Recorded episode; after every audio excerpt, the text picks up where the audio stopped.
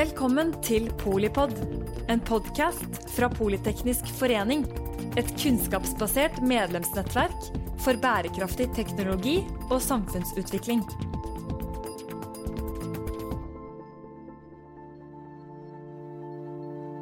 Mange ble overrasket da Taliban-soldater raskt inntok presidentpalasset i Kabul i august. Nå er det deres regjering nabolandene og verden må forholde seg til og forhandle med. Hva tenker den nye regjeringen egentlig, og har Vesten nå satt sjakkmatt i Sentral-Asia? I denne episoden hører du opptaket av møtet mellom Midtøsten-korrespondent Yama Wolasmal og fredsforsker Christian Berg Harpviken. Yama har selv opprinnelse fra Afghanistan og kjenner menneskene, regionen og landet godt. Hans beretning om situasjonen i Kabul fra innsiden vitner om et kaotisk døgn og en forvirret befolkning. Christian har fulgt utviklingen i Afghanistan de siste 30 årene og retter spesielt oppmerksomhet mot landets geopolitiske posisjon og Afghanistans uavhengighet eller avhengighet til Vesten. Du har en periode på 14 dager midt i august 2021 da hele verdens oppmerksomhet er retta mm. mot Kabul, eller egentlig mot et lite frimerke i utkanten av Kabul, som er flyplassen. Mm. Hvor det utspiller seg et dramatisk drama med masse afghanere som eh, ja. forsøker å komme seg ut. Eh, meldingen fra det internasjonale samfunnet er jo egentlig tydelig. Nå rakner det, nå gjelder det å flykte, nå er det en åpning. Dette mm. skjer jo i et politisk klima der vi i Vesten har gjort alt vi kan for å reise de høyest mulige veggene vi kan, og gjøre det umulig egentlig å komme seg til Vesten og søke om asyl på mm. politisk grunnlag. Plutselig kakker vi et kjempehøl i den muren. Etablerer en luftbro til Kabul og sier til alle afghanere at uh, hvis du i det hele tatt skjønner ditt eget beste, så må du komme deg ut nå. Mm. Og det alle afghanere vet, som også har tenkt gjennom mulighetene for å komme seg mm. ut, det er jo at det hølet det kommer ikke til å stå åpent veldig lenge. Uh, og det gjorde det heller ikke. Så det er jo en helt, uh, helt paradoksal uh, situasjon. Mm. Og, og, det viser jo den dårlige planleggingen. Hvor dårlig planlagt denne uttrekningen var. Det var jo en konsek direkte konsekvens av dette. Og det Kristian sier er jo helt riktig, fordi jeg sto på bakken, og min beskjed Jeg hadde jo tett kontakt med ledelsen som nesten hvert kvarter Jeg ringte dem hvert kvarter og rapporterte, og, og fordi de var veldig interessert i at jeg skulle eh, iverksette evakueringen min. For det var jo planen før jeg reiste inn. Vi fryktet jo ikke at Taliban skulle komme til makta, men det vi fryktet, var at kanskje flyplassen blir satt ut av spill av en eller annen rakett eller et eller annet sånt. At hvis det skjer, og mine utreisemuligheter begrenses, så må jeg komme meg inn til flyplassen, til den norske styrken. Vi hadde allerede snakket med Forsvaret. Jeg var i kontakt med styrkesjefen og hadde nummeret hans på WhatsApp og hadde igangsatt en dialog og sagt til han Bent, hvis det skjer noe, så slipper dere meg inn. Ikke noe problem. Så det var liksom vår vei ut. Mm. Og det er det vi diskuterte i de timene Taliban var på vei inn. Eller vi trodde at de var på vei inn. Så til slutt så tok vi den avgjørelsen. Jeg var uenig i det. Jeg mente at vi burde være der, for jeg argumenterte med at Taliban er Selv om vi frykter at det kan bli et blodbad i Afghanistan, eller i Kabul, så er ikke Taliban, basert på det de har sagt i forkant, interessert i å gå etter vestlige mål. De har hatt et ganske omfattende samarbeid med amerikanerne. Mm. Jeg, jeg, fant det veldig usannsynlig at Taliban det første de gjør, er å komme inn i Kabul og gå etter vestlige borgere da hadde de skutt seg selv i foten, for de er helt desperate etter anerkjennelse. Så Det var det jeg argumenterte med overfor ledelsen. Men de må gjøre sine vurderinger, og lang historie kort, eh, de bestemte at jeg skulle dra til flyplassen. Og da ble jeg jo vitne til dette Ja, da ble jeg vitne til denne, denne panikken. Da jeg kom dit, så var klokken fem. Allerede da hadde ganske mange mennesker samlet seg, men det der rushet hadde ikke begynt. Jeg stusset over at idet jeg kjørte inn fordi den sivile flyplassen det var ikke der du kjører inn, du kjører inn en annen port. Det er fire porter til den militære delen hvor utlendingene var. Så jeg kom inn til det som het Eastgate, eh, veldig kjent for alle som har vært der. Kommer nærme den porten og ser allerede en ganske stor folkemengde som har med seg bagasjer. og Som afghanere så vet jeg at når eh, si fattigfolk og vanlige afghanere eh, skal ut og reise i den store verden, så pynter de seg dag, og mennene i dress og damene har tatt på seg finstasen. Og barna er pyntet som om de skal i bryllup. Det er ballkjoler og små dresser og sleiker og veldig søtt. Lakksko. Sto 300-400 mennesker på siden av veien med bagasjer og esker og med flyttelass. Hva skjer her?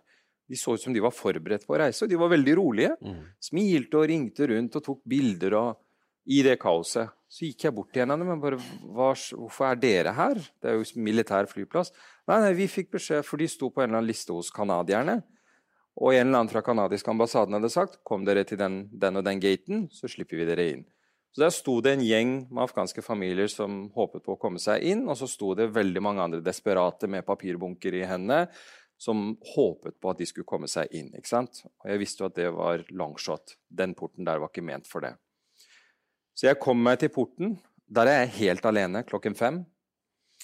Eh, tyrkerne har ansvaret for sikkerheten. De er full, det er fullstendig panikk hos tyrkerne. De nekter å slippe noen som helst inn, selv vestlige borgere, selv om norske styrkene har sagt til dem at vi har en borger eller vi har norske borgere som kommer inn, nekter å åpne porten. Jeg blir stående der helt alene fra fem til typ, ja, fem timer. Og så ser jeg at etter hvert så er det i hvert fall 30-40-talls vestlige borgere, afghanere med canadiske og amerikanske pass, som står rundt meg. Fortsatt alt under kontroll. Og så begynner panikken. Mm. Da har ryktet spredt seg i Kabul at hvis du kommer deg til flyplassen, så er du sikra en billett ut av Afghanistan. Men afghanske grensevakter tilhørende gamle regimet har siste sjekkposten før den porten jeg står ved. Det er 400 meters avstand. Jeg ser den porten der borte.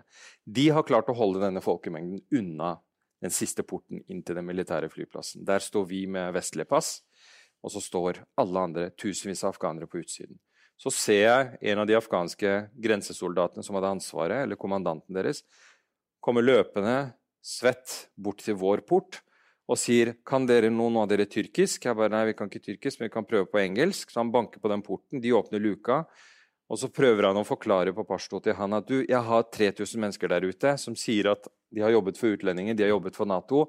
Hva vil dere jeg skal gjøre med dem? For jeg kan ikke holde dem tilbake mer. Jeg har plassert fire biler på tvers og vi er fem mann, og jeg tilhører gamle regimet. Jeg må komme meg vekk herfra. Taliban står på utsiden.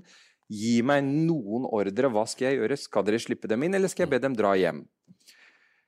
Jeg vet ikke hva som foregikk i hodet på tyrkeren, eh, for han, det eneste han sa, fuck off. Og så lukket han luka. Mm. Såpass mye engelsk kunne denne kommandanten. Eh, sa, han, sa han det der F-ordet til meg? Jeg sto der helt sjokkert. Jeg bare Jeg tror det. OK, sier han. Å ja, OK, sa han det til meg? Fint, OK. Spurta enda raskere bort til porten, fjerna bilene, slo opp porten og slapp de 3000 menneskene inn. Mm. Det gikk fra at vi hadde alt under kontroll mhm. ved porten, til at jeg og de andre sto pressa opp mot porten sånn de neste seks timene. For det kom flere og flere mennesker. Mm. Det var ikke plass til å sette seg ned, det var ikke plass til å legge fra seg bagasjen. Vi sto ansikt til ansikt. Jeg hadde folk som pusta meg i nakken, i ansiktet, jeg pusta en annen i nakken. Sånn sto vi som sild i tønne, og det kom flere på. Og tyrkerne, om de hadde panikk før, så nå har de i hvert fall panikk.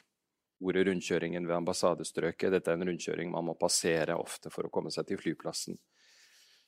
Der var det kaos. Der var det tett trafikk. Der løp alle rundt. Eh, og det var vel den første liven jeg hadde med mobilen, eh, som gikk på NRK. Og da var jeg selv ganske rystet. Eh, og for første gang i min karriere så klarte jeg ikke å holde tårene tilbake. Det jeg fikk spørsmål om, om det jeg så rundt meg. For det jeg så, var at alt fra uh, den søkkrike forretningsmannen i Wazir Akbar Khan-strøket pakket sammen alt han kunne ta med seg i de skuddsikre bilene sine. Alt fra han til tiggeren ved rundkjøringen rasket sammen småpengene sine og løp rundt. Mm. Altså, det var, det var panikk på så mange plan at han tiggeren som har vært gjennom de 40 år med konfliktene, han har jo ikke noe å frykte sånn sett. De kommer jo ikke for han, men han var også redd. Eh, og det, det, preget meg under den direkterapporteringen. Så, så hva som skjedde den dagen Ikke fått et fullgodt svar. Men det skal sies at Washington Post hadde en veldig grundig gjennomgang mm av de kritiske timene den søndagen. Eh, de har snakket med Taliban-kommandanter, de har snakket med amerikanske generaler, afghanske generaler, altså tidligere regime, og dannet et bilde av hva som skjedde. Og det var veldig interessant å lese. For det de sier der, er at Taliban hadde en avtale med amerikanerne om at de skulle, de skulle ikke komme inn i Kabul. Kunne holde seg på utsiden. Og der skulle de være til man forhandlet frem en overgangsløsning med Ghani-regimet. Dette var ifølge amerikanerne kommunisert til Ghani-regimet. Taliban kommer ikke inn. Vi har gjort en avtale med dem. Eh, de holder seg i utkanten, og så gir du makta fra deg på en eller annen måte, på fredelig vis. Eh, Taliban holder sin del av avtalen, de er i utkanten. Og så Det som utløser panikken, er ifølge Ghani at hans livgarde, hans eh, livvakter, stormer inn på kontoret og sier at Taliban stormer presidentpalasset nå. De går fra rom til rom og jakter på deg. Og I den panikken så sier han at jeg hadde ikke noe valg. Det er hans egen eh, forklaring. Jeg ble dratt inn om bord i et helikopter og måtte komme meg ut. Rakk ikke å ta med meg klærne mine. Tok med meg kona mi og mine rådgivere. Og da den nyheten kom, det var det som utløste panikken. Og folk ute i Kabuls gate skjønte at presidenten er om bord et av de 40-50 helikoptrene. Jeg har aldri sett så mye helikopter over en by. Det var skytteltrafikk, det var ambassader, og det var, det var som en krigssone. Og da det, den nyheten kom, så så jeg at afghanske soldater og politifolk som fortsatt sto i gatene, begynte å ta av seg uniformene. Da tenkte jeg nå, nå rakner det. Eh, og så fikk vi vite i denne Washington Post-saken hva som skjedde. Ghani flykter, nyheten sprer seg. Det blir panikk i Kabuls gater. Allerede i de første timene så vi tegn til plyndring, ran, folk som ble ranet, folk som ble frastjålet biler. Taliban sitter på utsiden. De har jo sine spioner i byen. De kontakter deres toppleder Berader kontakter sin kontakt, altså i Doha, en amerikansk general, kommuniserer direkte med han og sier hva er det som skjer? Nå er det panikk i Kabul. Alt kollapser. Ghani har rømt. Hva gjør vi nå? For nå er det anarki snart i Kabul.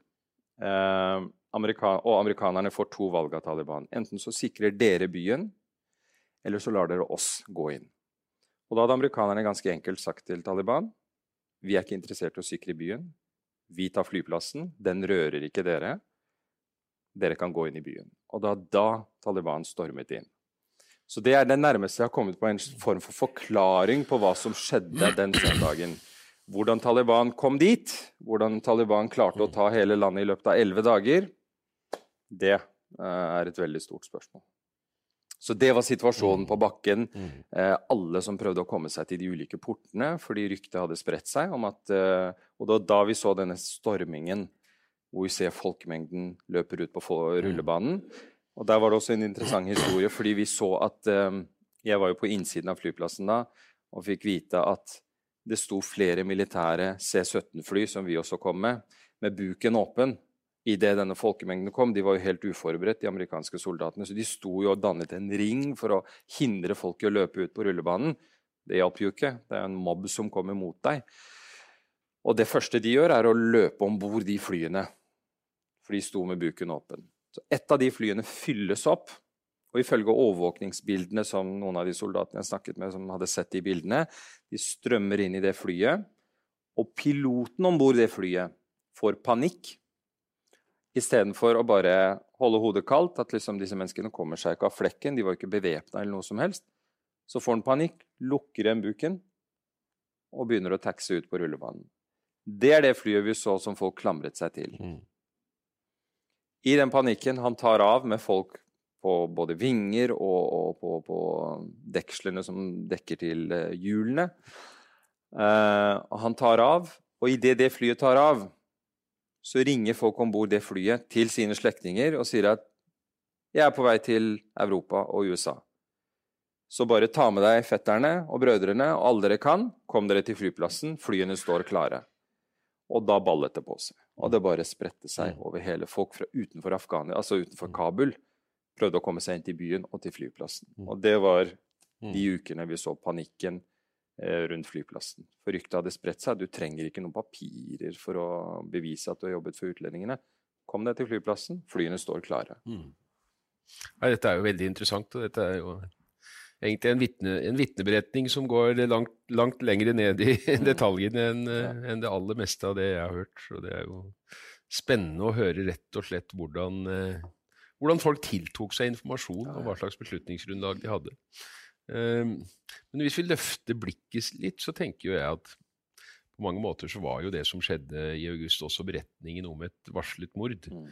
Og her er det jo et enormt sprik, tenker jeg, mellom den overordna politiske retorikken som for den saks skyld norske politiske ledere, ledelsen i Nato, amerikansk politisk lederskap eh, ytrer. Altså Biden, en måned før Kabul falt, så sier jo han med stor overbevisning om at uh, den afghanske regjeringshæren er sterk, har en helt annen uh, kompetanse og utstyrsgrad enn disse Taliban-gutta, så det er ikke noe tvil om at de vil klare å holde unna, og mm. sier det med stor overbevisning. Og det er selvfølgelig en politisk leder som skisserer en ønsket framtid. Han vet jo mye bedre enn noen av oss, for han leser rapporter som han får fra sine tjenester hver eneste dag, at sånn står det overhodet ikke til, og at dette kan gå veldig galt eh, veldig fort. Men virkelighetsoppfatningen blir jo likevel veldig prega av disse politiske narrativene, mm. som da er egentlig ikke forankra i det som er den virkelige situasjonen i det hele tatt. Og så mm. får vi dette, dette sjokket. Mm. ikke sant? Og der vil jeg si at vi i pressen, både norsk presse og vestlig presse, har virkelig forsømt sin oppgave. Fordi vi var med på å spre dette narrativet. Eh, vi har vært veldig Vi har sendt på en måte rapportert ukritisk om det som har skjedd i Afghanistan. Vi har tatt det lederne våre har sagt for god fisk i alle år. Eh, og det er jo derfor folk her i Norge, vanlig mann på gata, som afghanerne, er sjokkert. Mm. Hva var det som skjedde i Afghanistan? Vi trodde vi hadde kontroll. Vi trodde vi trente 300 000 soldater. Vi har jo brukt milliarder av kroner på bistand og utvikling og militær støtte. Hvordan kan dette falle sammen som et korthus? Og da er det jo vi som ikke har gjort jobben vår. For vi har jo nærmest rått sendt det eh, vi har fått fra offisiell hold. Eh, nå er Afghanistan et komplisert sted å reise til, jeg forstår det. Det er mange hensyn å ta. Det er, ikke, det er ikke bare å sette seg på et fly og reise til Afghanistan og dekke det som skjer ute i distriktene. Det er, det er, det er jo ikke uten videre at det blir kalt verdens farligste land. Jeg har vært heldig afghaner, så jeg kan reise under dekke av, av, av, av, det å være afghaner. Litt lettere for meg, men for 90% av andre journalister så jeg, det står ikke på viljen til mine journalistkolleger, men jeg mener jo likevel at vi ikke har gjort jobben vår når vi har så, gitt Afghanistan så mye spalteplass i 20 år, men likevel ikke klart å plukke opp de signalene som var der. Og dette skjedde ikke bare nå i 2021. At Taliban var på fremmarsj, det har de, det har de vært i nesten ti år. Ikke sant? Mm. Men, men, det bildet kom ikke frem, og derfor er verden i dag sjokkert over at de er tilbake ved makta. Men, uh, så er det jo et element til i akkurat det, da, og det er at uh, våre egne myndigheter, altså mm. både politiske myndigheter og uh, militærledelse, har jo satt inn mye ressurser mm. på å tilby en beretning om hva som skjer i Afghanistan, som legitimerer nærværet der. Ja. Sånn at man har jo på mange måter stått oppe i en ganske kraftig informasjonskrig her hjemme òg. Og det jeg sier nå, er jo ikke noe hemmelighet. Altså, det er jo bare å lese lærebøker som brukes på Forsvarets høgskole. Så er det jo lange kapitler om hvordan man driver en informasjonsoperasjon mot egen befolkning for å opprettholde legitimiteten om en militær operasjon. Dette er egentlig Det høres veldig kontroversielt ut når jeg sier det, men egentlig er dette helt ukontroversielt. Uh, i mange år var vi Da kan man jo også si at media, og kanskje også forskere for den saks skyld, i, noen grad har, i stor grad har svikta sin oppgave ved å kjøpe den versjonen som man blir tilbudt relativt billig. Ja. Det var jo en periode i 2003-2004 hvor den samme artikkelen med den samme teksten ble trykt i lokale medier over hele Norge. Ja. Eneste forskjellen var at det var en annen soldat fra gang til gang, men historien var den samme. Uh, og det ble ikke en skandale. Nei, nei, nei. nei. Men vi, vi, har liksom, vi har sånn naiv tro på at sånn skjer ikke i Norge. Dette ja. er det bare amerikanerne som driver med. Hvor de liksom regisserer ting, og de liksom gir liksom skreddersyr et narrativ, et bilde av sine soldater, og så sender de det ut og inviterer de pressefolk. Det er jo samme formelen som blir brukt overalt. Og det er som Christian sier, det høres kontroversielt ut, men det er business as usual. Det er ikke noe uh, overraskende ved det. Det som er overraskende, er at vi ofte slukte dette rått. Jeg har mista tellinga på antall ganger norske pressefolk har reist inn med norske styrker og norske politikere til Afghanistan, sittet på pansrede kjøretøy og prøvd å dekke den krigen fra en panservogn. Uh, jeg skulle ønske vi brukte 10% av de ressursene på å prøve å komme oss ut mm. og snakke med afghanerne. Eh, ikke eh, dra til Afghanistan sammen med en forsvarsminister som har en åpenbar agenda. Eh, og det holdt vi på med i 20 år, og i dag sitter vi sjokkert over det som har skjedd. Det er egentlig ikke så sjokkerende. Det som er sjokkerende, er, er, er hvor raskt det gikk. Ja. Men at Taliban var på fremmarsj, at Taliban var på vei mot Kabul, det, det, det bildet har vært der lenge. Og det at det gikk så raskt, det var jo minst like sjokkerende for Taliban som det var for noen andre. De satt jo der plutselig med et kjempeproblem. Som du skisserte, så var jo Taliban selv i kontakt med amerikanerne for å, egentlig for å slippe å gå inn i Kabul. For de visste jo at i det øyeblikket de måtte gå inn i Kabul, så satt de med kjempeutfordring. Mm. De skulle ta ansvar for sikkerheten, de skulle holde disiplin på sine styrker. Dette hadde de jo prøvd en gang før, ikke sant? i 1996, da de inntok, eh, inntok Kabul. Og mange av disse lederne, ja, de fleste av disse lederne har jo vært med helt tilbake fra Talibans Mm. opprinnelse på begynnelsen av 90-tallet. Så de har jo erfaringene, og, Ja, ja. og ble rett og slett tatt på senga over at det gikk så lett. De Så kan vi jo i parentes bemerke at det er én gunstig ting med at det gikk så lett. Mm. Og det er jo at vi sparte ganske mange afghanere for mye lidelse. For Absolutt. en uh, langtrukken krig i urbane strøk i Afghanistan, det hadde, det hadde ikke vært noe fint scenario. Det var så mye våpen i Kabul. Mm. Det var så mye våpen i Kabul, i private hender. Politikere som hadde personlige livvakter. og Altså, byen flommet over av våpen idet Taliban kommer inn. Eh, og frykten var jo helt reell for at noen fra den gamle Nordalliansen, folk fra Panjshir, som har all grunn til å frykte Taliban, de har jo stått mot dem i alle år, at de skulle liksom prøve å forsvare sine posisjoner. Heldigvis vil jeg si at det ikke skjedde. Det ble nesten ikke avført et skudd da Taliban kom inn. Og det er veldig bra for afghanerne. Uh, og det første Taliban gjør, er jo å gå fra hus til hus for å samle inn disse våpnene. Og der har vi også sviktet, fordi vi rapporterte mange av disse husraidene hvor de banker på dører. Jeg snakket med flere av de som eier de husene uh, i bl.a. ambassadestrøket, og de sa vi opplevde ikke Taliban som truende. De banket på døra, presenterte seg og sa vi er her kun for å samle våpen. Har dere våpen som dere har fått delt ut av gamle regime eller i privat eie? For dere skal ikke få ha våpen. Og Taliban Folk er jo redd Taliban, så når de banker på døra, så tuller du ikke med Taliban. Ikke sant? Så da overleverte folk fra seg massevis av våpen. Så de klarte jo å avvæpne Kabul på, på dager. Mm. Ikke sant? Altså, jeg, har ikke tellinga på antall mil, millioner og milliarder vestlige land har brukt på å forsøke å avvæpne det afghanske samfunnet.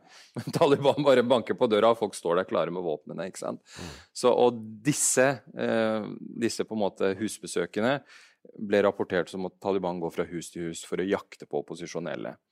Eh, jeg vet at det er enkeltstående hendelser Mm. eh, hvor Taliban-soldater og kommandanter har tatt saken i egne hender.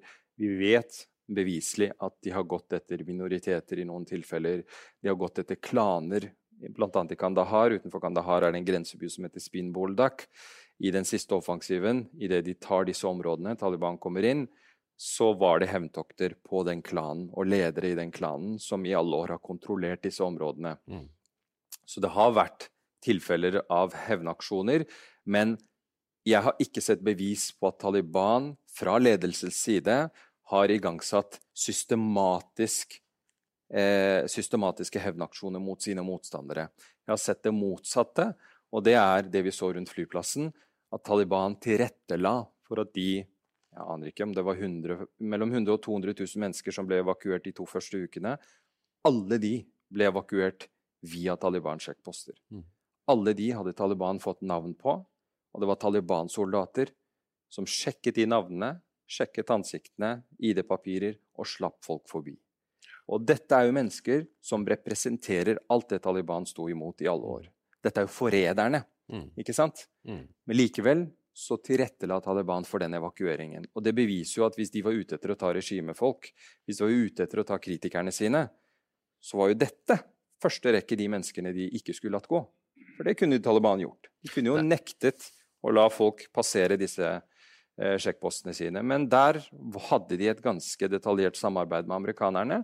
Og de gjorde det sannsynligvis for å få eh, litt goodwill hos amerikanerne og Vesten om at liksom, se her, vi samarbeider, vi lar deres folk komme seg ut. Um, så det, det bildet kom ikke helt frem i, i den vestlige dekningen. Nei, og Her tenker jeg det kanskje er relevant å ta et lite historisk tilbakeblikk Mm. fordi at eh, når så mange var redd for Talibans hevntokter, så Mm. hadde jo det noe å gjøre med hva som skjedde i 2001, for 20 år siden, da ja. Taliban mista makta, hvor hevntoktene mot uh, Taliban var uh, av et ubeskrivelig, uh, ubeskrivelig sin grusomhet. I, For åpen kamera. Utenfor Mazar mm. så ble tusenvis av Taliban-soldater stengt inn i metallkonteinere og stekte til døde i, i sola ute i ørkenen. En massakre som man fra internasjonal side egentlig har lagt lokk på seinere. Det har vært uh, mange initiativer til å gjøre en gjennomgang av dette. Mm. FN har uh, utført en rapport som har blitt lagt i skuffen etter tungt internasjonalt press fra selvfølgelig også våre nærmeste mm. allierte. Uh, og det er jo bakteppet selvfølgelig også for at så mange frykter Talibans hevn i den situasjonen som oppsto i august nå. Helt riktig. Og bare supplere det du sier. Eh, mannen som sto bak den massakren mot Taliban, hvor det antas at 3000 Taliban-soldater ble slaktet ned, general Dostum, som var den store kongen i Nord-Afghanistan, han hadde norske styrker og norske myndigheter et godt samarbeid med. Fordi det er hans områder vi hadde våre styrker i.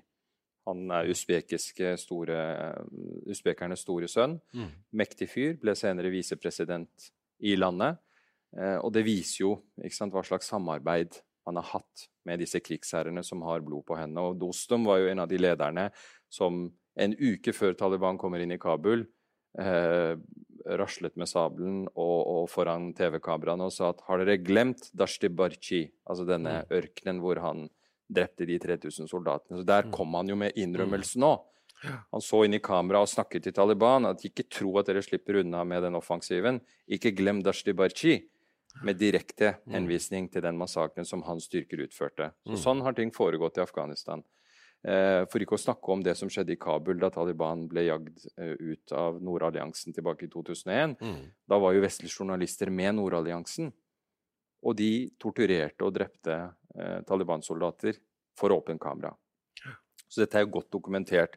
Og, og, for ikke å snakke om hvis vi skrur tida litt tilbake Grunnen til at folk fryktet den, 14, den 15. august, Talibans reaksjon når de kommer inn i Kabul, er jo at Taliban også har veldig mye blod på hendene. De er jo ikke akkurat kjent for å være moderate. Eh, og noe av det første de gjorde tilbake i 1996, da de tok Kabul for første gang, var jo å storme inn på FN-hovedkvarteret, som er et diplomatisk område. Der hadde en tidligere sovjetstøttet president, Najibullah, søkt tilflukt med broren sin. Og han ble jo hentet ut. Han representerte jo alt det igjen Taliban sto mot. Um, og han ble drept på verst tenkelig vis. De rapportene jeg har sett, tyder på at han ble torturert i hjel. Uh, dette er ikke ting jeg har sagt på TV, for det er uh, vanskelig for folk å fordøye. Men jeg vil gjerne dele de detaljene her, fordi det, det, det forklarer den frykten folk har for Taliban. Mm.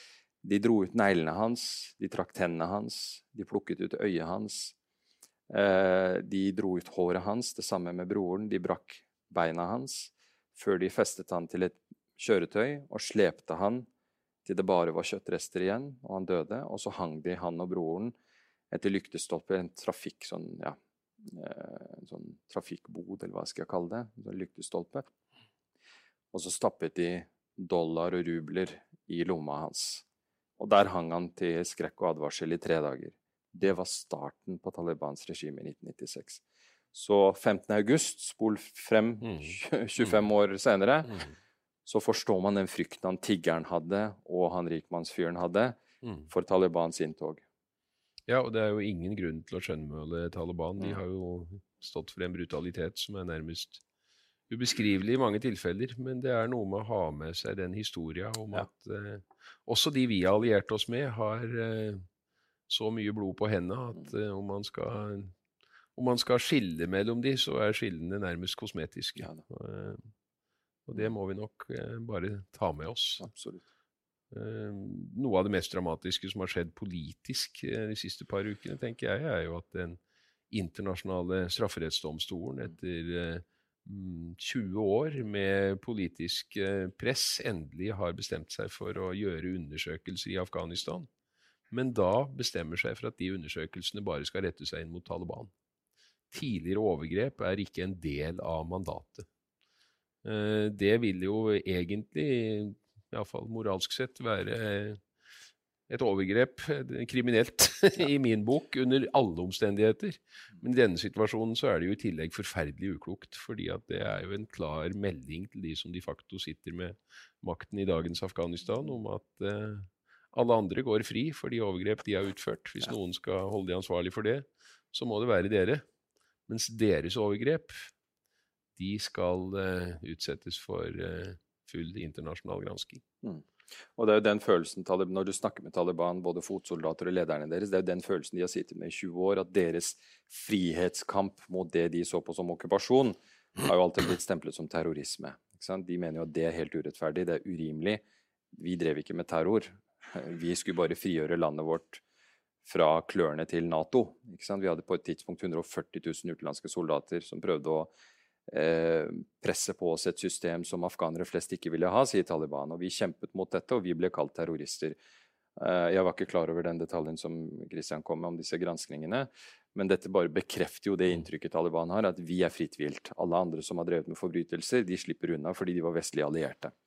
Um, og, og, det er Når du snakker med Taliban, så sier de jo at vi Dette kunne fått en helt annen ende i Afghanistan hvis Vesten ikke hadde gått for hevn mot oss tilbake etter at vi, de um, styrtet vårt uh, styre. Og vi trakk oss tilbake til distriktene våre. For vi, altså jeg, jeg, har møtt kommandanter som sier at og da, Dette er tilbake i 2010. Da jeg reiste rundt, så mm. møtte jeg kommandanter ute i distriktene. Da var opprøret i full gang. Mm. Eh, da hadde de jo kontroll på mange distrikter. Og Da møtte jeg en kommandant som sa at vet du hva, da, de, da amerikanerne og vestlige styrker kom i 2001, så så vi på hverandre, altså oss Taliban, altså kommandantene. Så hvem i all verden skal kjempe mot den gjengen her? Mm. De driver og bomber oss fra 10 000 meters høyde. Vi står her med rustne kalasjnikover. Det, det, er jo dødt det, det, går jo ikke. Så vi trakk oss tilbake til eh, landsbyene våre, tilbake til madrassene våre. Og så opplevde vi at amerikanerne kom etter oss der. Vi mm. fikk ikke fred. Vi kjempet jo ikke. Vi ga opp. Og så kommer de etter oss. Og vi er jo krigere. Vi er nødt til å forsvare oss. Det er deres forklaring. Når vi ikke får fred i moskeen vår, når vi ikke får fred i landsbyene våre, når de sender droner og spesialstyrker midt på natta for å ta én person, så jevner de en hel landsby med jorden, da er vi nødt til å gjøre motstand. Og da sto jo pakistanerne klare til å støtte dem. Mm. Pakistanerne sa kom, dere skal få trene eh, på vår side av grensen. Mm. Våpnene står klare. Hvis dere vil, så hjelper vi dere. Og det var da opprøret på en måte eh, fikk vind i seilene.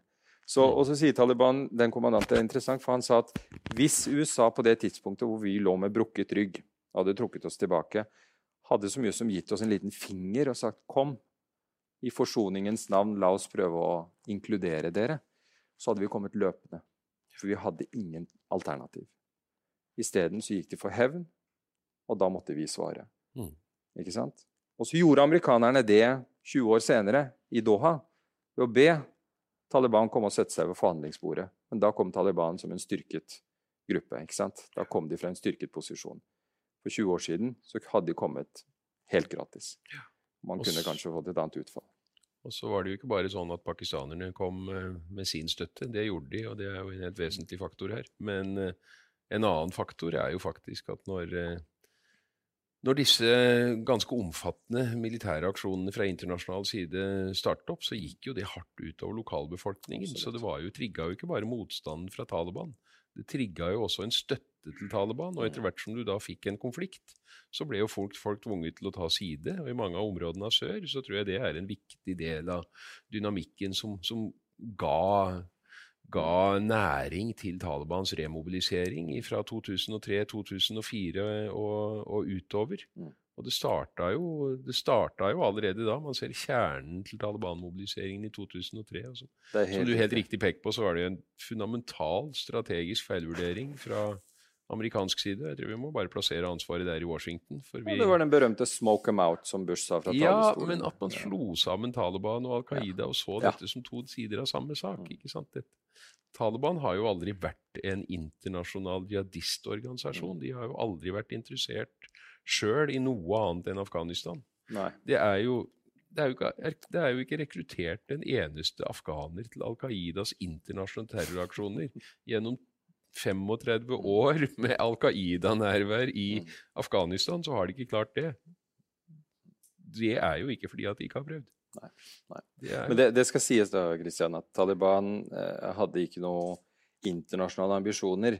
Men den tilretteleggingen de sørget for for grupper som Al Qaida, Definitivt. det var på et nivå som var så sjokkerende. Vi dro til Afghanistan i 1997 på mm. ferie fordi eh, måtte han hvile i fred. Min uh, gærne far insisterte på at vi skulle tilbringe sommerferien der. Uh, vi var der i tre måneder, og jeg ble vitne til ting der. Jeg skjønte jo ikke poenget som en 17-åring at jeg skulle bruke sommerferien min et sted hvor vi hører at musikk er forbudt, du blir banket opp hvis ikke du har langt nok skjegg, kvinner må dekke seg med burka, det er ikke noe underholdning, det er ikke noe elektrisitet. Det var ikke akkurat fristende å, å, dra på ferie dit, men pappa var sånn Husk ordene hans. Han sa dette er historie, du vil takke meg senere. Vi drar ikke dit fordi vi støtter Taliban, men jeg vil at dere skal oppleve dette. Og jeg er jo sjeleglad for at jeg fikk den muligheten nå, da. Og en av de tingene som jeg ble vitne til, var at vi skulle fly hjem til mammas hjemby Kandahar fra Kabul. Mm. Taliban hadde tre gamle fly fra 70-tallet som det ikke hadde vært service på gudene vet hvor mange år. De var jo under sanksjoner, så de fikk jo ikke reservedeler eller noe som helst. Det flyet, før det tok av, bare synet på det flyet var sånn Det kommer til å falle fra hverandre når som helst. Mm. Altså, den, jeg kunne banne på at den ene vingen var lavere enn den andre. Altså, det, det sto sånn på rullebanen. Og vi gikk inn i buken, gammelt russisk fly, og vi fikk eh, business class-setene fordi jeg var den eneste som hadde kvinner med meg, altså moren min og de tre søstrene. Så vi fikk slippe inn først. Business class var seks klappstoler rett bak eh, eh, cockpiten, og så var det et forheng. Så de dro for forhenget, og så gardinen. Satt vi der, og så hørte jeg at andre passasjerer kom inn uten å kunne se dem. Og så tar flyet av. ikke sant? Og det, jeg tenker at det kommer til å falle fra hverandre. Bare taxinga. Jeg tenkte hvis, ja, vi taxer utover, tar av, alt går fint, og i et øyeblikk så føles det som en helt vanlig flight. Jeg hører piloten si ja, 'velkommen til denne flyvningen fra Kandahar til Kabul'. Eh, kjære passasjerer, eh, de av dere som har tyngre våpen, eh, må overlevere dem til vår kollega som kommer bakfra, og de med lettere våpen må levere dem til han som kommer forfra. Mm. Ja, dette er før Al Qaida har blitt kjent. Jeg er 17 år gammel. Mm. Jeg har ikke hørt om dette Se på mamma. Jeg bare Er det våpen om bord dette flyet? Og hun er like sjokkert. Jeg ser blikket hennes gjennom det burkagitteret. Sjokkert, sånn store, store øyne. Ja, jeg hørte det, jeg òg. Mm. Riktignok så går gardinen opp, og da ser du liksom flyverter med fine uniformer og lange skjegg som bare kom med begge skuldrene fulle av patronbelter og kalasjnikoffer. Så de hadde jo noe sikkerhet om bord, da. Alt, lås, alt ble låst inn på cockpiten. Men etter avgang? Etter avgang, ja. Selvfølgelig. selvfølgelig. Det er betryggende. og så gikk jeg bak, for jeg ble nysgjerrig på den gjengen. Hvem er dette? Det var jo bare menn, og, og, og, unge menn. Så jeg gikk bak, for mamma insisterte på at hun måtte på do. Jeg bare, Skal du gjennom den gjengen for å gå på do? Du får, du får holde deg en time. For det der går ikke. For jeg tittet ut, så var det jo Jeg har aldri sett et sånt fly. Det satt folk, det var tre seter på hver side, og det satt fire karer i hver rad oppå hverandre. Og midtgangen var full av to karer ved hvert seterad som satt oppå bagasjen sin.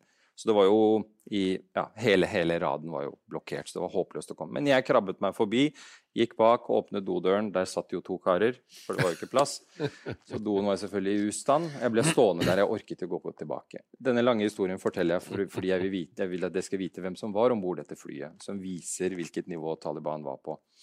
Eh, dette var Jeg kjente igjen, for jeg har vokst opp med norskpakistanere, så jeg kjente igjen fra stilen på klærne deres at, at dette var pakistanere.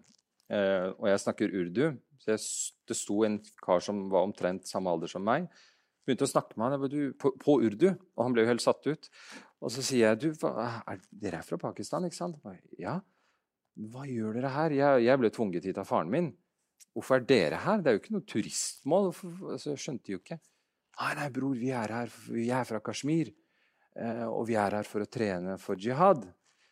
OK, hva mener du trene for jihad? Ah, nei, jeg har bestått pistolkurset i Jalalabad, så nå skal jeg til Kandahar for å lære meg tyngre, bruken av tyngre våpen. Og denne broren her, han er fra Tsjetsjenia. Han har bestått kurset for uh, tyngre våpen. Han skal ta et kidnappingskurs ved flyplassen Kandahar, i Kandahar. Og han der er fra Usbekistan, og det, det var Al Qaida. Mm. Hele flyet var stappfullt av Al Qaida-folk og, og internasjonale jihadister. Og dette drev Taliban drev rett og slett et universitet for terror. Og dette visste de jo om. ikke sant? Så selv om de ikke hadde ambisjoner selv for å ramme eh, vestlige mål, så hadde de jo i aller høyeste grad tilrettelagt for at Al Qaida kunne operere fritt. Ikke sant? Nå var det jo ikke Talibans penger som drev disse stedene, det var jo penger fra den arabiske verden. Mm. Bin Laden var jo helt avgjørende der. Han var jo, ikke sant, mm. største Han trakk jo mange donorer. Så det var det som skjedde under Taliban de fem årene de styrte. Ja, jeg oppfatter nok dette sittende fast i ledningen her. Oppfatter nok dette forholdet som litt mer tvetydig. Og det er jo helt riktig som du sier at det var et massivt nærvær av internasjonale jihadister mm. i Afghanistan under Taliban, og at det fantes store treningsleirer og strukturerte kursopplegg. Jeg husker jo selv jeg var på et minerydderkurs eh, ja. i utkanten av Jalalabad i 2000. ikke sant? Og vertskap, vårt vertskap gjør oss, det var meg og en uh, kvinnelig kollega, gjør oss oppmerksom på at nabocompounden det er uh, en av bin Ladens tilholdssteder. Ja, så vi burde holde huet litt, uh, litt, lavt. Men de tok imot oss og hadde ja. oss på en ukes trening med minerydding, eksplosivtrening og i det hele tatt. men når jeg sier at det er litt mer tvetydig, så er det jo fordi at Taliban på samme tid som de la til rette for dette, mm. gjorde det av mange grunner, bl.a. tror jeg pakistansk eh, oppmuntring om å gjøre det. Kashmir-elementet er jo viktig her. Så forsøkte man også å begrense eh, Al Qaidas handlingsfrihet. ikke sant? Forsøkte å begrense bevegelsesfriheten, legge restriksjoner på bruken av kommunikasjon, og var veldig klar over at hvis Al Qaida gjennomførte et spektakulært internasjonalt terrorangrep, så ville det være en trussel mot Taliban. Og for Taliban så er jo den trusselen stor, nettopp fordi at Taliban selv bare er opptatt av å konsolidere sin makt i Afghanistan. Jeg kjenner jo en eh, som var protokollsjef, Wahid Murstad, var mm. protokollsjef i UD. Han er nå død. Han ble drept i Kabul eh, for et par år siden. De store mm. avrettingskampanjene av journalister og sivilsamfunnsaktivister eh, tok av. Han var vel egentlig den første som ble tatt livet av der. Eh, men han var i 2000-2001 protokollsjef i afghansk UD. Og utenriksministeren eh, ga han da ordre om å reise til Pakistan og informere amerikanerne om at nå planla Al Qaida noe spektakulært. Dette kom til å bli det største terrorangrepet noensinne. De måtte, dette måtte de vite og forberede seg på. Og utenriksministerens målsetting var jo da å skjerme Taliban fra konsekvensene av noe sånt. Men det han ikke det Wahid ikke var i stand til å sette ord på, var jo hva dette terrorangrepet gikk ut på. Hva detaljene var. Det visste han ikke. Så han gikk til det amerikanske konsulatet i Peshawar, rapporterte dette, og det forsvant i strømmen av eh, hundrevis av andre varsler som kom inn til amerikansk etterretning mm. samme dag. Og Wahid var jo selv helt fortvila over mm. dette, og til og med skrevet, skrevet bok om det. Det mm. var en dyp fortvilelse at han ikke klarte å avverge.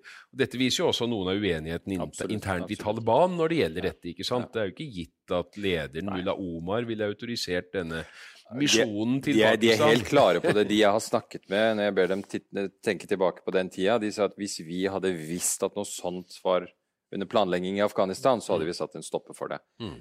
Så det er ingen tvil om at Talibans toppledelse ikke var klar over dette de tilrettela for at internasjonale jihadister skulle trene i Afghanistan for å støtte sine muslimske brødre i deres frigjøringskamp i, i, i Kashmir mm. og sant, mot russerne, i sentralasiatiske mm. republikker og det ene og det andre.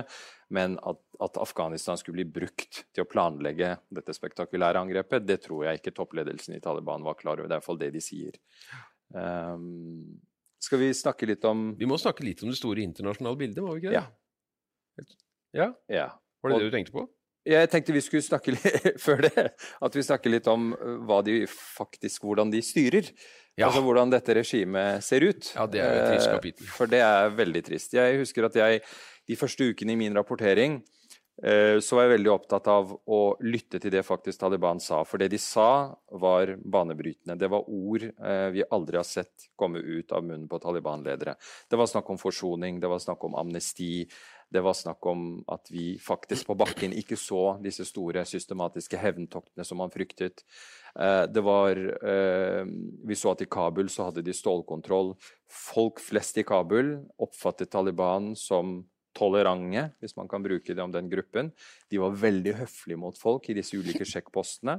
Det er også veldig uvant. Taliban er De kan bare krig. Eh, de vet ikke hvordan de skal sikre en by, men de gjorde en relativt god jobb de første ukene. Og Det resulterte i at folk var betinget optimistisk. Og når jeg rapporterte om dette, så fikk jeg faktisk mange i min familie og norskafghanere som sendte meg melding om at du har blitt veldig pro Taliban. Min holdning var vi må prøve å gi dem tvilen til gode. Fordi de sier de rette tingene. Det har gått 14 dager. Man kan ikke dømme denne gruppen basert på det. Og i mitt hode så var det, som, som jeg sa til deg i går, Christian, mm. store lakmustesten var denne overgangsregjeringen som hele verden ventet på. Mm. Det, der tenker jeg vi ser om de mener alvor med forsoning og inkludering og kvinner og det ene og det andre. Og da den lista kom, mm. da var jeg i Beirut, mm. da fikk jeg meg en kalddusj. Og da var det ja. Det, Nei, det var nok vendepunktet for meg òg. Jeg ja.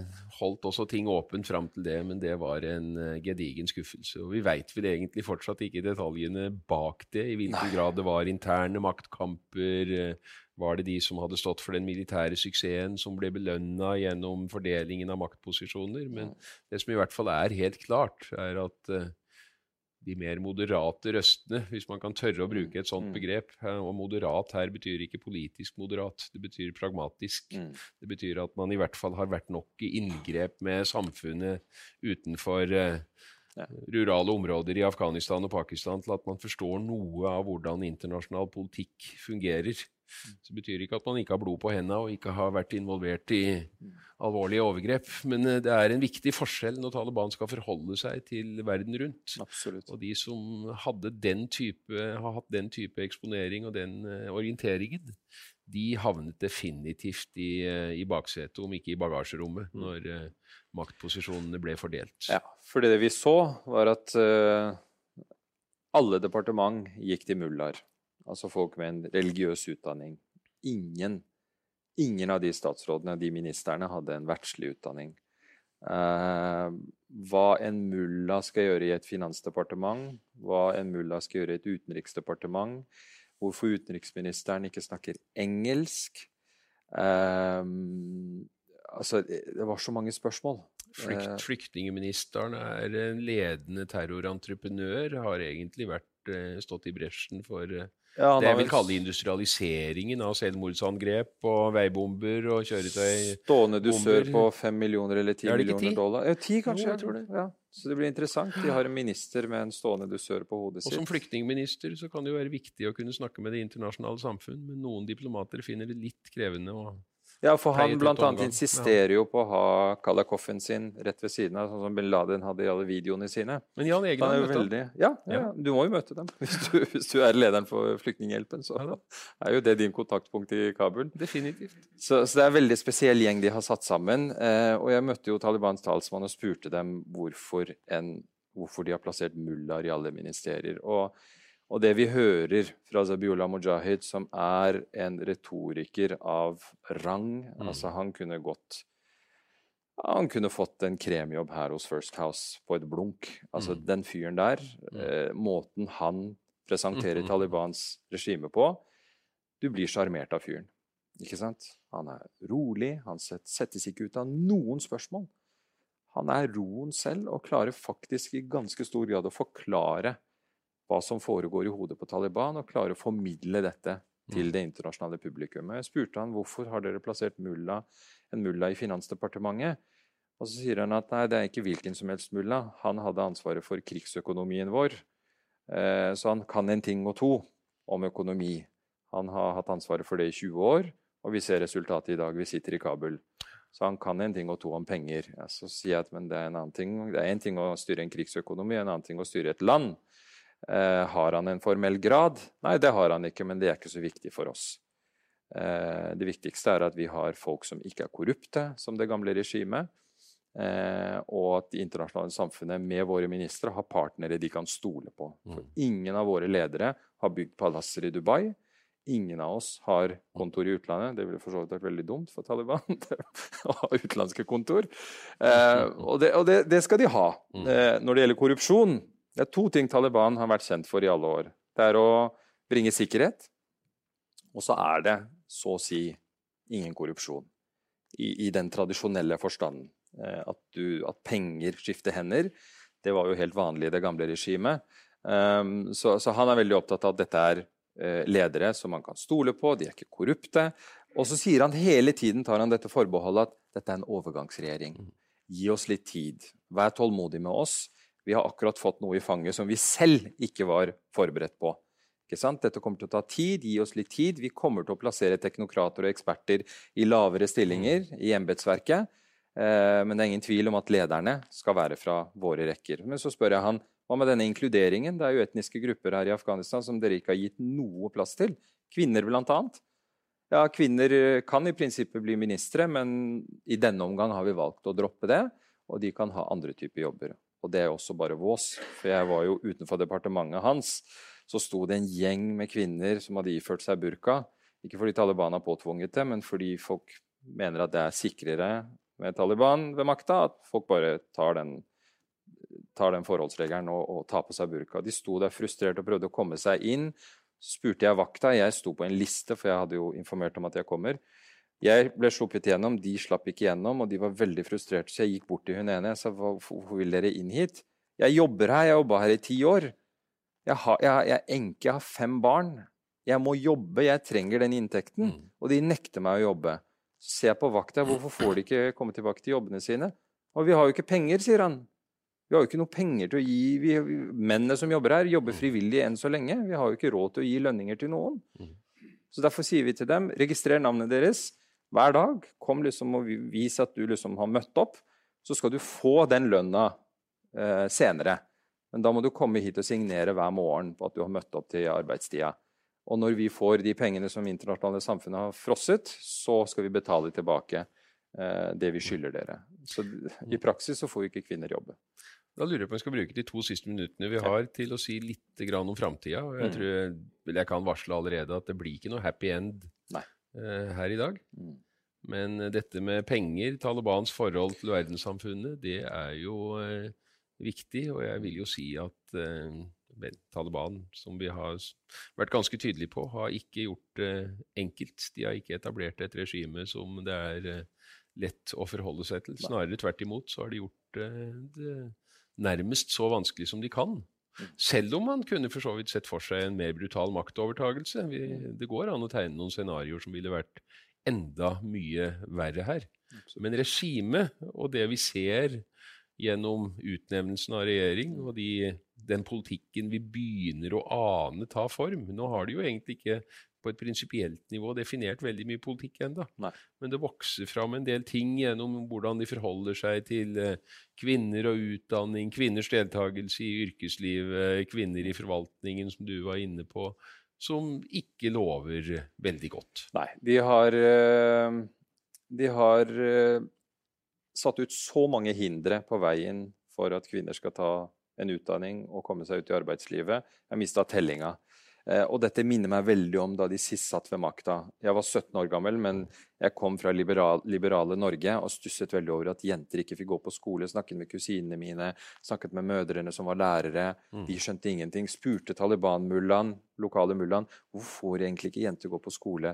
Nei, nei, vi er midt oppi en krig. Da kontrollerte de ikke hele landet. Panjshir var utenfor deres kontroll. Da brukte de det argumentet. Vi har ikke sørget for god nok sikkerhet ennå, så når krigen er over, så skal selvfølgelig alle jenter tilbake på skolen. Så skal det jo sies, da jeg jobbet bl.a. i Herat i 1999, gjorde feltarbeid, bodde ja. der noen måneder. De lokale Taliban-ledernes eh, døtre de gikk jo på de hemmelige hjemmeskolene. Ja, nettopp. Mm, ikke sant.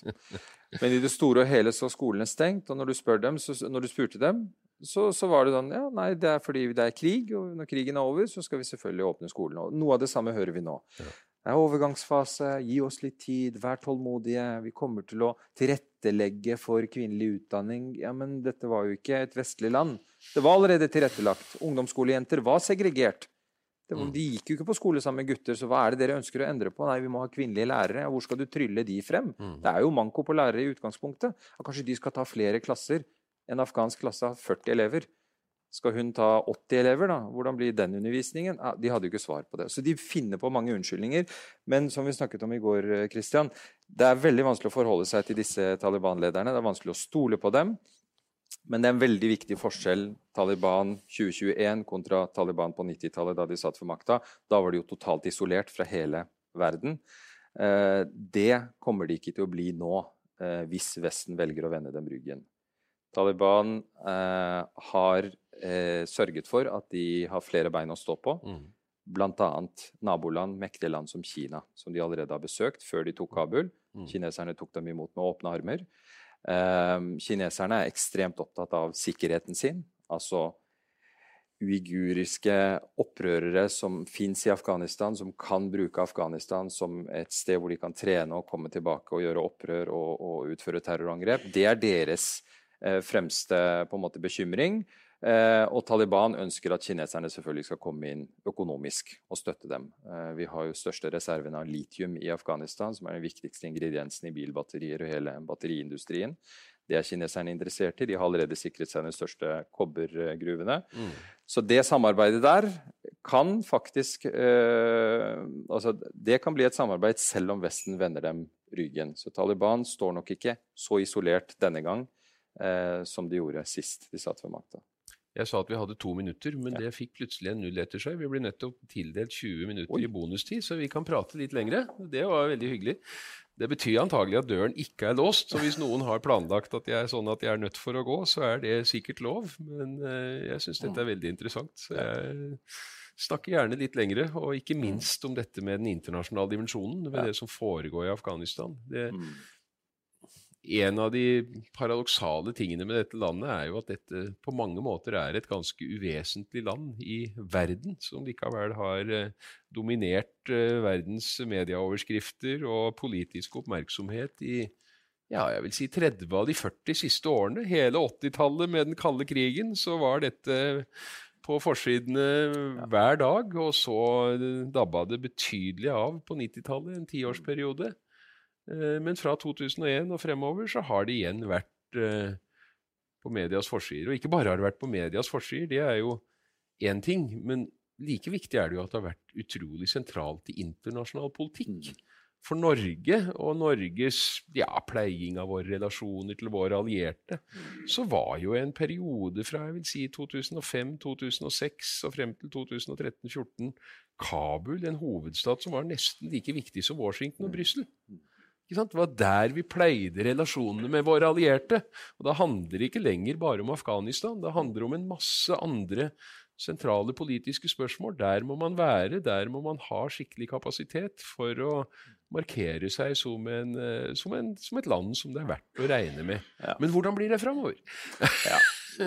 Det eneste jeg tenker er, hvis man, hvis man ser tilbake på afghansk historie, nyere historie, så vet man én ting. Vender man Afghanistan ryggen, eh, så vil det skape problemer for selv oss her i trygge Norge. Det så vi sist. Jeg håper vi lærer av den feilen etter at Sovjet var drevet ut av Afghanistan ved hjelp av afghanske frigjøringskrigere og mujahedin, med hjelp fra vestlige land. Eh, så var Afghanistan et sort hull på 90-tallet. Og det Der fikk internasjonal terrorisme grobunn. Det ble et arnested for internasjonal terror. Resultatet så vi 11.9. Så jeg håper jo, hvis jeg kan ta av meg journalisthatten og snakke som en afghaner, så håper jeg at det, den feilen ikke gjentar seg. At vestlige land og Taliban, selv om Taliban er de de er, at man finner frem til et eller annet samarbeid som gjør at man ikke går for full isolasjon. For da, da som Kristian var inne på, Taliban er som en hvilken som helst annen politisk bevegelse, til syvende og sist. Det er moderate krefter der, og det er ekstreme krefter der. Og hvis de går for isolasjon De jeg har snakket med i Kabul på den siste turen, som er tett opp mot Taliban, sier at akkurat nå, tro det eller ei, så er det faktisk de moderate som har sittet litt i førersetet. De har ønsket dialog, de har sørget for disse evakueringene. Det var ekstremistene imot. Hvorfor, hvorfor lar dere alle disse forræderne gå? De det er, jo, det er jo etterretningsfolk, det er jo de som har drept våre brødre. Og dere busser dem ut av Kabul. Men de ble bedt om å liksom holde seg i ro, fordi de moderate prøver å få, skape et fint, et, et godt bilde av Taliban. Så, så, snart vi ser, hvis vi ser at vestlige land vender Taliban ryggen, så kan de ekstreme få rett. Da kan de gå til de moderate og si ja, hva fikk dere igjen for den eh, fleksibiliteten dere viste? Dere slapp alle ut, og nå sitter dere her. De har vist dere ryggen. Ikke sant? De isolerer dere, de frosser midlene deres. Og da kan de ekstremist, altså ekstremistene blant Taliban eh, få en mye større rolle. Og det lover ikke godt for afghanere, det lover ikke godt for det internasjonale samfunnet. Eh, så jeg håper virkelig at man finner frem til et, land, et eller annet form for samarbeid. Men det er jo en viktig forskjell fra 90-tallet, som du helt presist har sagt nå, og det er jo at eh, Taliban er ikke avhengig av Vesten på samme måten som de var på 90-tallet. På 90-tallet så var det ikke så veldig mange alternativer. Nei. Vesten brøt i, egentlig forbindelsen, og da ble Taliban isolert. Om Vesten ikke klarer å etablere en dialog med Taliban i dag, så er det ikke like klart at de blir isolert. De har mye annet å spille på. Vi ser på hvordan Taliban har agert de siste ti årene, så har det jo vært en helt systematisk kampanje for å utvide kretsen av mulige kontakter internasjonalt. De skjønte sjøl at de var urimelig avhengig av, eh, av eh, Pakistan. 2000 eh, 2009-2010, da hadde bl.a. FN, Kai Eide, som var FNs spesialrepresentant da, en mm. dialog med Taliban. Mullah Bradar, som nå mm. er eh, vise statsminister, han eh, var kontaktpersonen. Mm. Og ble så arrestert av pakistanere i en fellesoperasjon med CIA i Pakistan. Amerikanerne var først jublende glad, for endelig begynte Taliban å levere terrorister, Taliban-terrorister til de, inntil de forsto at dette handla jo om å stoppe en fredsprosess som Pakistan ikke hadde kontroll på. Ja, dette var jo også et mm. budskap som Taliban-ledelsen forsto veldig godt. Mm. Og særlig fra det punktet og framover så ser vi en veldig systematisk bestrebelse på å bli mer robust gjennom å utvide nettverket av internasjonale kontakter. Man får eh, allerede i 2011 en de facto representasjonskontor i, i Doha. Eh, åpnet som offisielt kontor, kontor, noen år senere. Og så begynner Talibans eh, politiske kontor, som er betegnelsen på disse folkene som sitter i Doha, å reise rundt på statsbesøk mm. til det ene landet etter det andre. Og de har jo vært på utallige turer til Teheran og Dushanbe og eh, Moskva og Beijing og alle andre relevante land i, eh, i hele nabolaget. Og da er jo da En ting er jo da de umiddelbare nabolandene. Det er klart at et land som Pakistan er eh, veldig opptatt av å ha innflytelse på hva som skjer i Afghanistan fremover.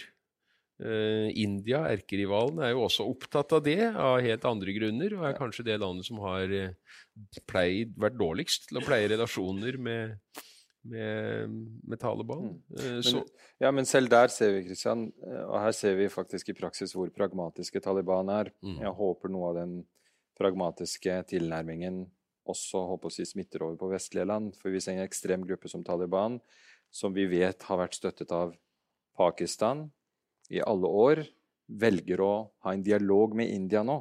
Mm. Altså Det er backchannels mm. mellom Taliban og India mm. hvor det er full kommunikasjon. Mm. Dette er erkerivalen til Pakistan. Det viser jo den selvstendigheten som også fins blant Taliban. ikke sant? At mm. ja, vi er støttet av Pakistan, og fiendene våre hevder at vi er på en måte skapt av Pakistan. Mm. Men vi tenker på våre nasjonale interesser nå, og vi er interessert i å ha kontakt med inderne. Og noe av det de gjorde som ga litt håp, var at de faktisk evakuerte bortimot 200 diplomater fra den indiske ambassaden ut av Kabul. Mm. Uh, for, dette er en ambassade som Taliban har rammet med selvmordsbomber i 20 år. Mm. Ikke sant? Med en gang de kommer til makta, så ønsker da krigen over for Taliban. Det er, det er, det er litt imponerende mm. at i det øyeblikket de tar Kabul, mm. så nærmest altså, symbolsk legger de ned våpnene og hjelper alle de som var fiendene deres. Mm. For å vise at nå er vi interessert i samarbeid. Mm. Krigen er over. Du er amerikaner, du har kriget mot meg, du har drept brødrene mine, men jeg vil ha en relasjon til deg. Det samme gjelder inderne. 200 indiske diplomater blir busset ut av Kabul til fly som ventet på, på rullebanen. Og faktisk de samme individene, de samme lederne og de samme soldatene som er spesialtrent for å yes. utføre terrorangrep i Kabul, står i spissen for disse sikkerhetsoperasjonene, som det, da plutselig sikrer de de dagen det, før det var, var satt opp og spesialtrent ja. for å ta livet av med terroraksjoner. Det var det mest absurde å være vitne til. Jeg har aldri bodd på Serena. Jeg bodde på Sirena denne gang. Da måtte Taliban til for at jeg bodde på Sirena, for da, da vet jeg at frykten for terror er liksom minimal. Mm. Og de gutta som står i porten ved uh, Hotell Serena, som sjekker bilen vår og ransaker meg og går gjennom bagasjen min, det er som Kristian sier, det er folk fra Den røde brigade. Dette er selvmordsbomberne til Taliban som rammet dette hotellet i alle år. Altså det er bare, Hver dag jeg gikk inn og ut av det hotellet, så var det like absurd eh, å, å, bli beskyttet av de vi har fryktet i 20 år. Ja. Så Taliban har på en måte klart å omstille seg på en måte som mange ikke trodde var mulig. Eh, det er mektige naboland som har en veldig pragmatisk holdning til det som skjer i Afghanistan. Mm. De står klare til å støtte Taliban om ikke med en offisiell anerkjennelse, mm. så nok til å holde liv i dette regimet. Mm. Det er nok av kanaler i et land som Afghanistan. Gamle presidenten Karzai innrømmet jo åpent at han var på en tur til Teheran og fikk kofferter fulle av dollar. Flere hundre millioner. Eh, og hadde ikke noe problem med å innrømme det. Det er våre brødre i Iran som har gitt oss disse pengene. Mm. Eh, så det fins måter å holde liv i dette regimet på. Pakistan, selvfølgelig. Iranerne. Kina har vi vært inne på. Mm. Eh, jeg vet ikke i hvilken grad russerne eh, kommer til å måte støtte Taliban. Men, men, men, det er ingen tvil om at hvis Vesten vender, vender, dem ryggen, så betyr ikke det kroken på døra for Taliban. Vi vil kunne se at de klarer å styre dette landet i mange år fremover. Mm. Nei, det blir veldig spennende å se, og ikke minst det at både Russland og Kina, som jo for så vidt begge er stormakter, og mm. med en i veldig veldig forskjellig betydning, nå er mye mer engasjert i det som skjer i Afghanistan, enn på, på noe tidligere tidspunkt. Det, det, det, introduserer jo egentlig en hel kabal med jokere i, i dette spillet om Afghanistan fremover, og det er ikke så lett å si. Jeg tror ikke at noen av de er villige til å investere veldig tungt i Afghanistan, Nei. men de er veldig opptatt av stabilitet og å forhindre terror. Helt riktig. De virker mer Det jeg ser når jeg, når jeg har vært på bakken i Kabul, og det man leser om Talibans liksom, turer til Teheran og Moskva og, og, og til Kina Nabolandene virker mer engasjert i det som skjer i Afghanistan, enn det jeg oppfatter vestlige land er akkurat nå. Mm. Mm. Det er min personlige og, og det lover ikke godt. Eh, fordi det må en kombinasjon til. Hvis man virkelig vil afghanerne vel, så kan man ikke isolere Taliban. Eh, og det verste man kan gjøre, er å sette inn sanksjoner. Eh, det er jo et alternativ mektige vestlige land alltid har hatt. Det kortet kan de bruke. Det gjorde de sist. Uh, og gjør de i realiteten nå, ikke sant? De gjør det, I praksis gjør de det, uten å offisielt. Men vi, vi, ser hvordan sanksjoner ender. ikke mm. sant? Nord-Korea har vært under sanksjoner i 70 år snart. Uh, eller mer. Jeg vet ikke hvor lenge de har vært det, men det har vært det så lenge de har eksistert. Med det regimet har det skadet regimet. De sitter tryggere enn noensinne. Iran, 40 år med sanksjoner. Hva har man oppnådd der? Mm. Irak under Saddam han mistet jo ikke makten pga. sanksjoner. Det var irakere som led under de sanksjonene. Så jeg håper vi lærer noe av den sanksjonspolitikken. Eh, den gir oss en billig trøst, men i praksis så skader ikke det de regimene som vi prøver å ramme. Det er kun sivile. Og der må vi kort si litt om denne alt annet enn happy ending i Afghanistan. Ja, de krisene Afghanistan står overfor. Jeg tror ikke folk har forstått hvor ille situasjonen der er. Vi er opptatt av Taliban og alt dette, men før, hvis du tar Taliban helt ut av ligningen, så står altså Afghanistan overfor en sultkatastrofe. Mm. De er allerede midt oppi den. Mm. Det er tredje året tror jeg, på rad uh, med ekstrem tørke. Det er akutt matmangel. Økonomien har kollapsa. Midlene deres er frosset i utlandet. Afghanere som var heldige nok til å ha noen penger inne, inn på kontor i afghanske banker, får ikke de ut. Man er redd for at bankvesenet skal kollapse hvis alle skal drive og ta ut pengene sine. Så de har satt en grense på 200 dollar i uka.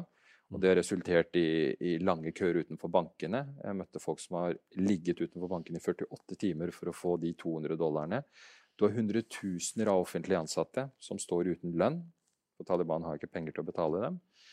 Så det er, det er så mange lag med kriser mm. som landet står overfor, at i ytterste konsekvens så er det ingen tvil om at hvis hjelpen ikke kommer, hvis man ikke får til det samarbeidet som vi har snakket om, mellom Vesten og Taliban og naboland, eh, så frykter jo de fleste eksperter at man vil se en sånn eksodus ut av Afghanistan.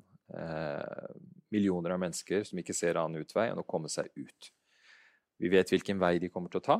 De kommer til å komme mot Europa. Eh, de vil møte en stor port i Tyrkia. Og jeg tror Erdogan utspekulert, smart, eh, pragmatisk som han er, eh, vil si til EU ja, i tillegg til de to-tre millioner syrerne har jeg nå en million afghanere her. Mm. Hva skal jeg få for å holde dem unna Europa? Han kommer til å bruke dem for alt det er verdt. Mm.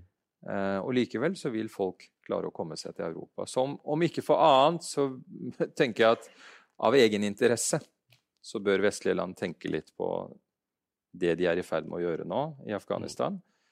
For konsekvensen av isolasjon, konsekvensen av å ikke gjøre noe i Afghanistan mm. og bare vende, vende, ryggen til, er Vi kommer til å merke det. Vi kommer til å merke det her i Europa. Så er jo problemet her også, tenker jeg, at selv om mange av disse nabolandene eh, er svært interessert i å opprettholde en politisk dialog med Taliban, mm. og opptatt av at de skal klare å stabilisere landet sikkerhetsmessig og politisk, så er de ikke nødvendigvis så fryktelig opptatt av om det går med noen afghanere i en humanitær katastrofe.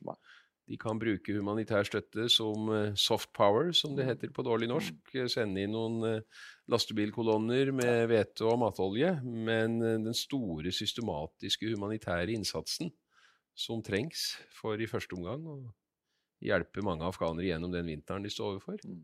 den kommer ikke til å komme fra landene i regionen. Det vet vi.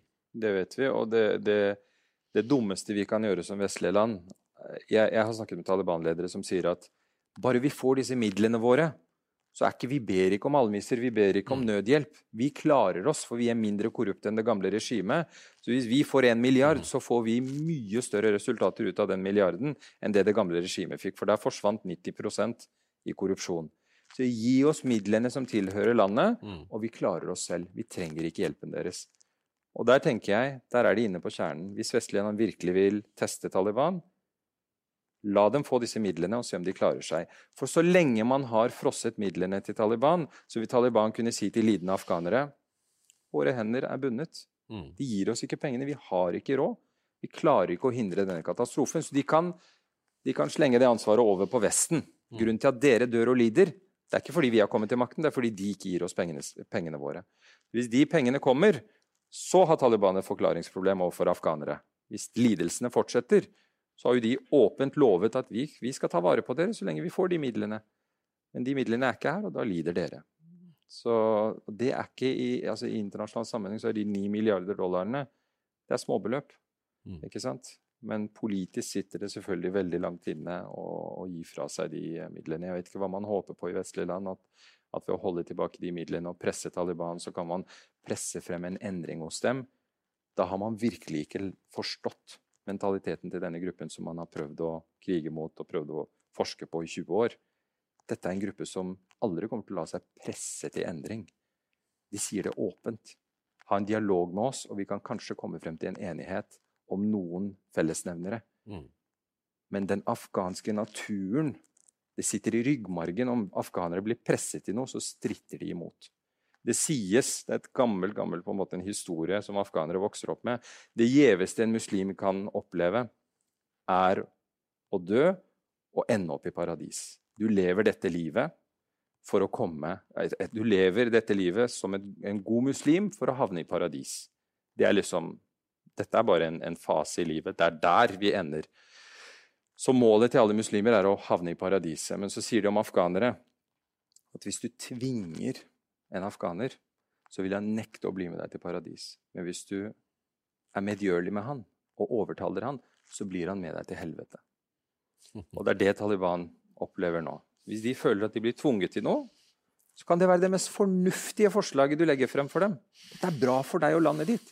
Men hvis han føler at det er tvang inne i bildet, no way. Han kommer ikke til å rikke. Da sier vi eh, tusen takk for oss. Tusen takk for eh, oppmøtet. Tusen takk til alle som mm. har fulgt oss eh, digitalt. Og igjen, tusen takk for invitasjonen. Takk for samtalen, Yama. Veldig Veldig, jeg har jo vokst opp med analysene til Christian, så det er veldig morsomt å sitte på scenen med han. Så det har vært veldig hyggelig. Takk for at du lyttet til Polipod fra Politeknisk forening. Få med deg flere episoder, eller bli med på nettverksmøtene som du finner på at polyteknisk.